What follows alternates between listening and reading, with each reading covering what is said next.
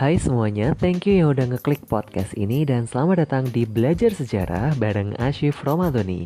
Di podcast kali ini kita akan belajar bersama-sama terkait dengan cara berpikir sejarah. Gimana sih orang-orang sejarah itu berpikir dan gimana sih cara kita memandang sebuah peristiwa atau mungkin setiap hal dalam kehidupan kita. So, buat teman-teman semua, stay tune. Nah, teman-teman semuanya, biasanya ketika kita ada pengalaman tertentu atau mungkin kita uh, mendengarkan cerita orang lain atau mungkin sejarah tentang sebuah tempat atau sebuah peristiwa mungkin atau mungkin teman-teman juga mendengarkan curahan hati uh, dari temannya sendiri mengenai aku habis putus sama pacarku loh atau bagaimana loh? Nah gitu. Biasanya terkadang kita biasanya sama terkadang nih ya. Tapi terkadang sadar atau nggak sadar kita tuh pasti sangat judgmental banget dalam artian ih kok gitu ya ih kok gini ya Nah, padahal nih teman-teman, ketika kita memandang sebuah peristiwa, seharusnya kita harus uh, seharusnya kita harus gitu ya. Aduh, bahasanya gimana sih? Seharusnya kita harus harusnya gini. Kalau menurut aku, alangkah baiknya ketika kita memandang sebuah peristiwa, sebuah hal yang kita alami, itu harus memandang dari dua sisi. Karena apa? Setiap hal itu pasti ada sisi baik dan juga sisi buruknya. Sama halnya ketika kita memandang sesuatu, pasti akan ada baik dan buruknya. Tetapi dalam hal ini, ketika kita belajar tentang sejarah, atau mungkin kita mendengarkan sebuah peristiwa, atau bahkan kita mengetahui atau mengalami sebuah peristiwa, pasti ada beberapa hal yang perlu uh, kita garis bawahi bahwa apa pun yang terjadi itu pasti ada beberapa faktor penyebabnya, dan faktor penyebab itulah yang mengakibatkan adanya hubungan sebab dan akibat. That's why di dalam peristiwa sejarah pun juga ada yang disebut dengan konsep kausalitas atau konsep sebab akibat. Makanya kemarin saya pernah menyampaikan di podcast sebelumnya bahwa di dalam peristiwa sejarah itu pasti ada yang namanya sebab akibat. Nggak akan ada asap kalau nggak ada api. Misalnya seperti ini. Ketika tanggal 17 Agustus 1945, nah tanggal tersebut itu kan merupakan peristiwa di mana Indonesia memproklamasikan kemerdekaannya. Nah, itu adalah sebabnya. Akibatnya apa? Akibatnya kita bisa merdeka sampai sekarang. Seperti itu. Nah, karena penyebabnya seperti itu, adanya proklamasi, maka akibatnya adalah uh, apa namanya kita bisa merdeka sampai sekarang. Nah, dari setiap peristiwa itu, kemarin saya sudah menjelaskan bahwa ternyata dalam sejarah itu antara manusia itu pasti memainkan peran yang sangat penting dalam setiap peristiwa maupun setiap hal.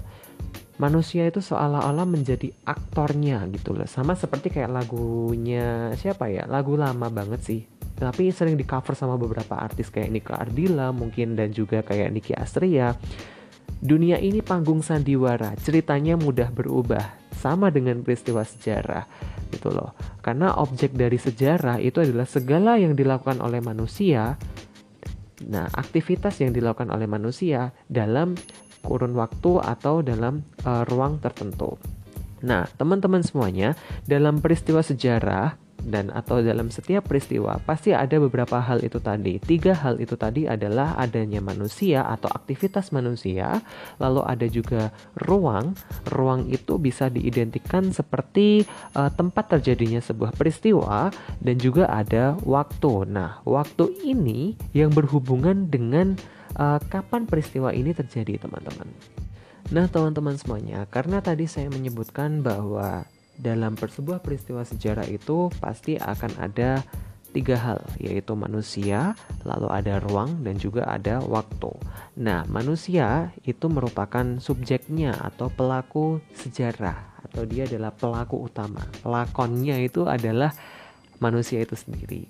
Nah, sedangkan ruang, ruang itu bisa diartikan sebagai tempat terjadinya sebuah peristiwa atau bisa diartikan juga sebagai sudut pandang dalam memandang sebuah peristiwa atau ketika kita melihat sebuah peristiwa itu menurut kita itu dari sisi apa dulu nih? baik itu sisi ekonomi atau mungkin sisi politik atau mungkin sisi sosial dan lain sebagainya kayak gitu. Sedangkan waktu, waktu itu berhubungan dengan kapan terjadinya waktu, uh, peristiwa ya teman-teman, kapan terjadinya waktu. Mohon maaf, tipe nih ya. Nah gitu. Nah, for your information aja nih bahwa di dalam konsep ruang dan juga konsep waktu dalam sejarah itu uh, sangat beriringan atau berkaitan banget nih ya. Mereka berkaitan erat karena setiap aktivitas manusia itu pasti dilakukan secara bersamaan di tempat maupun di waktu.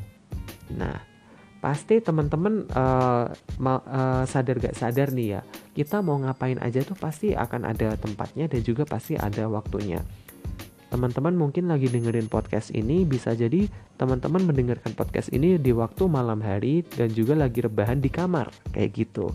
Nah, itulah yang dinamakan konsep ruang dan waktu dalam sebuah peristiwa. Sama halnya dalam uh, peristiwa sejarah. Pasti erat kaitannya ada uh, dengan konsep ruang dan juga waktu. Seperti itu. Saya yakin teman-teman sudah bisa memahami karena pastinya dalam mengkaji sejarah ini 11-12 lah ya ketika kita kayak nonton drama atau mungkin baca novel gitulah ada yang namanya latar tempat lalu ada yang namanya latar waktu dan juga ada yang namanya latar sosial nah kalau latar tempat dan juga latar sosial itu dianggap sebagai konsep ruang dalam sejarah. Sedangkan latar waktu itu adalah konsep waktu dalam sejarah. Nah, dari beberapa hal yang telah saya sebutkan tadi, kita bisa memandang beberapa peristiwa itu dalam beberapa aspek teman-teman. Kita bisa memandang dalam aspek ruangnya dan juga kita bisa memandang dalam aspek waktunya. Nah kali ini kita akan membahas mengenai cara berpikir sejarah di mana cara berpikir sejarah itu ada beberapa cara ada dua cara di antaranya ada secara diakronis dan juga secara sinkronis. Cara berpikir sejarah yang pertama itu adalah secara diakronis. Teman-teman pasti kalau lagi menjumpai referensi yang lain diakronis atau diakronik nama lainnya itu sama aja teman-teman. Nah, jadi sama aja gitu loh. Jangan bingung. Bedanya cuman huruf belakangnya akhirannya S sama K aja kayak gitu. Nah, kalau diakronik cara pandang sejarah secara diakronik itu kita memandang sebuah peristiwa sejarah itu memanjang dalam waktunya tetapi terbatas dalam ruangnya. Memanjang dalam waktu tetapi sempit secara ruang atau tempatnya kayak gitu. Kayaknya susah sih gitu ya. Kayaknya susah tapi titananya gampang teman-teman. Titananya itu kayak uh, apa ya? Uh, kita bisa uh, menandai bahasa Indonesia-nya kita bisa tandai bahwa aspek diakronis itu adalah yang panjang itu waktunya sedangkan yang pendek itu ruangnya. Kenapa demikian? Kalau dari segi kata, asal katanya diakronis itu ke dalam bahasa Yunani dia itu artinya waktu, bukan doi ya teman-teman. Dia, dia yang kamu sayangi gitu enggak. Dia itu waktu, sedangkan kronis bukan penyakit kronis di sini. Kronis itu semacam uh, urut-urutan peristiwa. Nah, secara tidak langsung ketika kita memandang sebuah peristiwa sejarah secara diakronik yang perlu diingat-ingat adalah yang meluas itu waktunya, teman-teman. Waktunya luas tapi tempatnya sempit. Kita ambil contoh seperti Indonesia itu kan dipimpin oleh uh, tujuh presiden. Nah, tujuh presiden itu kan ada yang dari Presiden Insinyur Soekarno sampai Joko Widodo. Nah, itu kan ada yang kurun waktunya. Kurun waktu kalau Soekarno itu kurang lebih tahun uh, eh, 1945 sampai 1965 atau ada yang menyebutnya 66 seperti itu. Lalu Soeharto itu tahun 66 sampai 98. Lalu B.J. Habibie itu 98 sampai 99. Lalu Gus Dur itu 99 sampai 2001. Megawati itu tahun 2001 sampai 2004. Nah, SBY dari 2004 sampai 2014. Nah, Setelah itu Jokowi. Jokowi adalah dari 2014 sampai sekarang. Nah, yang diingat-ingat adalah waktunya. Waktunya itu yang meluas, teman-teman. Nah, kalau dalam uh, apa namanya? kita memandang Indonesia dari uh, perspektif pimpinan presiden gitu kan pemimpinnya ketujuh presiden itu kan punya kurun waktunya sendiri-sendiri. Nah itu kita bisa melihat bahwa aspek diakronis itu memanjang dalam waktu. Jadi kurun waktunya seperti itu teman-teman. Nah, teman-teman, dalam aspek diakronis ini itu lebih menitik beratkan kepada perubahan dan juga keberlanjutan dari sebuah peristiwa yang dikaji. Nah, jadi perubahan dan keberlanjutannya itu semacam ada uh, apa namanya setelah ini itu berubahnya ngapain gitu loh. Ibaratnya kayak tadi dari masa pemerintahannya Soekarno itu kan kemudian ada perubahan di masanya Soeharto dan juga seterusnya. Nah, ciri-ciri uh, dari diakronik ini adalah rentang waktunya itu sangat panjang teman-teman. Sama halnya yang contoh yang saya sampaikan tadi. Ketika kita memandang Indonesia dalam uh, perspektif masa pemerintahan presiden, kurun waktunya kan panjang banget tuh dari 1945 sampai sekarang. Nah, 45 sampai 65 kalau kita bagi-bagi itu kan ada 7 presiden. 45 sampai 65 itu ada Soekarno. Lalu 66 sampai 98 itu ada Soeharto dan seterusnya sampai sekarang. Kayak gitu. Nah, lalu selanjutnya adalah uh, kalau diakronik itu lebih menitik beratkan pada perubahan dan juga keberlanjutan dari yang kita amati tadi atau yang peristiwa yang kita pelajari itu tadi. Nah, jadi ada perubahan teman-teman antara Soekarno, masa pemerintahan Soekarno tahun 45 ke 65 sampai juga uh, Presiden Soeharto dari tahun 66 dan sampai 98, 1998. Seperti itu. Contoh dari diakronik lagi adalah ada yang namanya periodisasi dan juga ada yang namanya kronologi. Kalau periodisasi itu sama seperti konsep diakronik teman-teman. Perbedaannya adalah kalau periodisasi itu pembabakan zaman. Nah, contohnya adalah periodisasi uh, masa praaksara di Indonesia. Kan ada yang namanya masa Paleolitikum, lalu ada masa Mesolitikum, lalu ada masa lagi Neolitikum, dan juga megalitikum. Jadi periodisasi itu sama seperti uh, konsep berpikir diakronik seperti itu. Selanjutnya adalah kronologi. Nah, kalau kronologi ini bedanya sama periodisasi itu kurun waktunya lebih sempit teman-teman. Nah kalau kronologi itu urut-urutan waktu yang ditekankan. Jadi semacam kayak setelah ini itu ngapain setelah ini tuh ngapain gitu. Sebagai contohnya adalah hmm, misalnya kronologi kemerdekaan atau kronologi proklamasi kemerdekaan Republik Indonesia tanggal 17 Agustus 1945.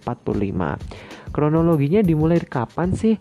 Oh, dimulai pada tanggal 14 Agustus 1945. Hmm, itu kan ada peristiwa Jepang menyerah tanpa syarat, ya kan?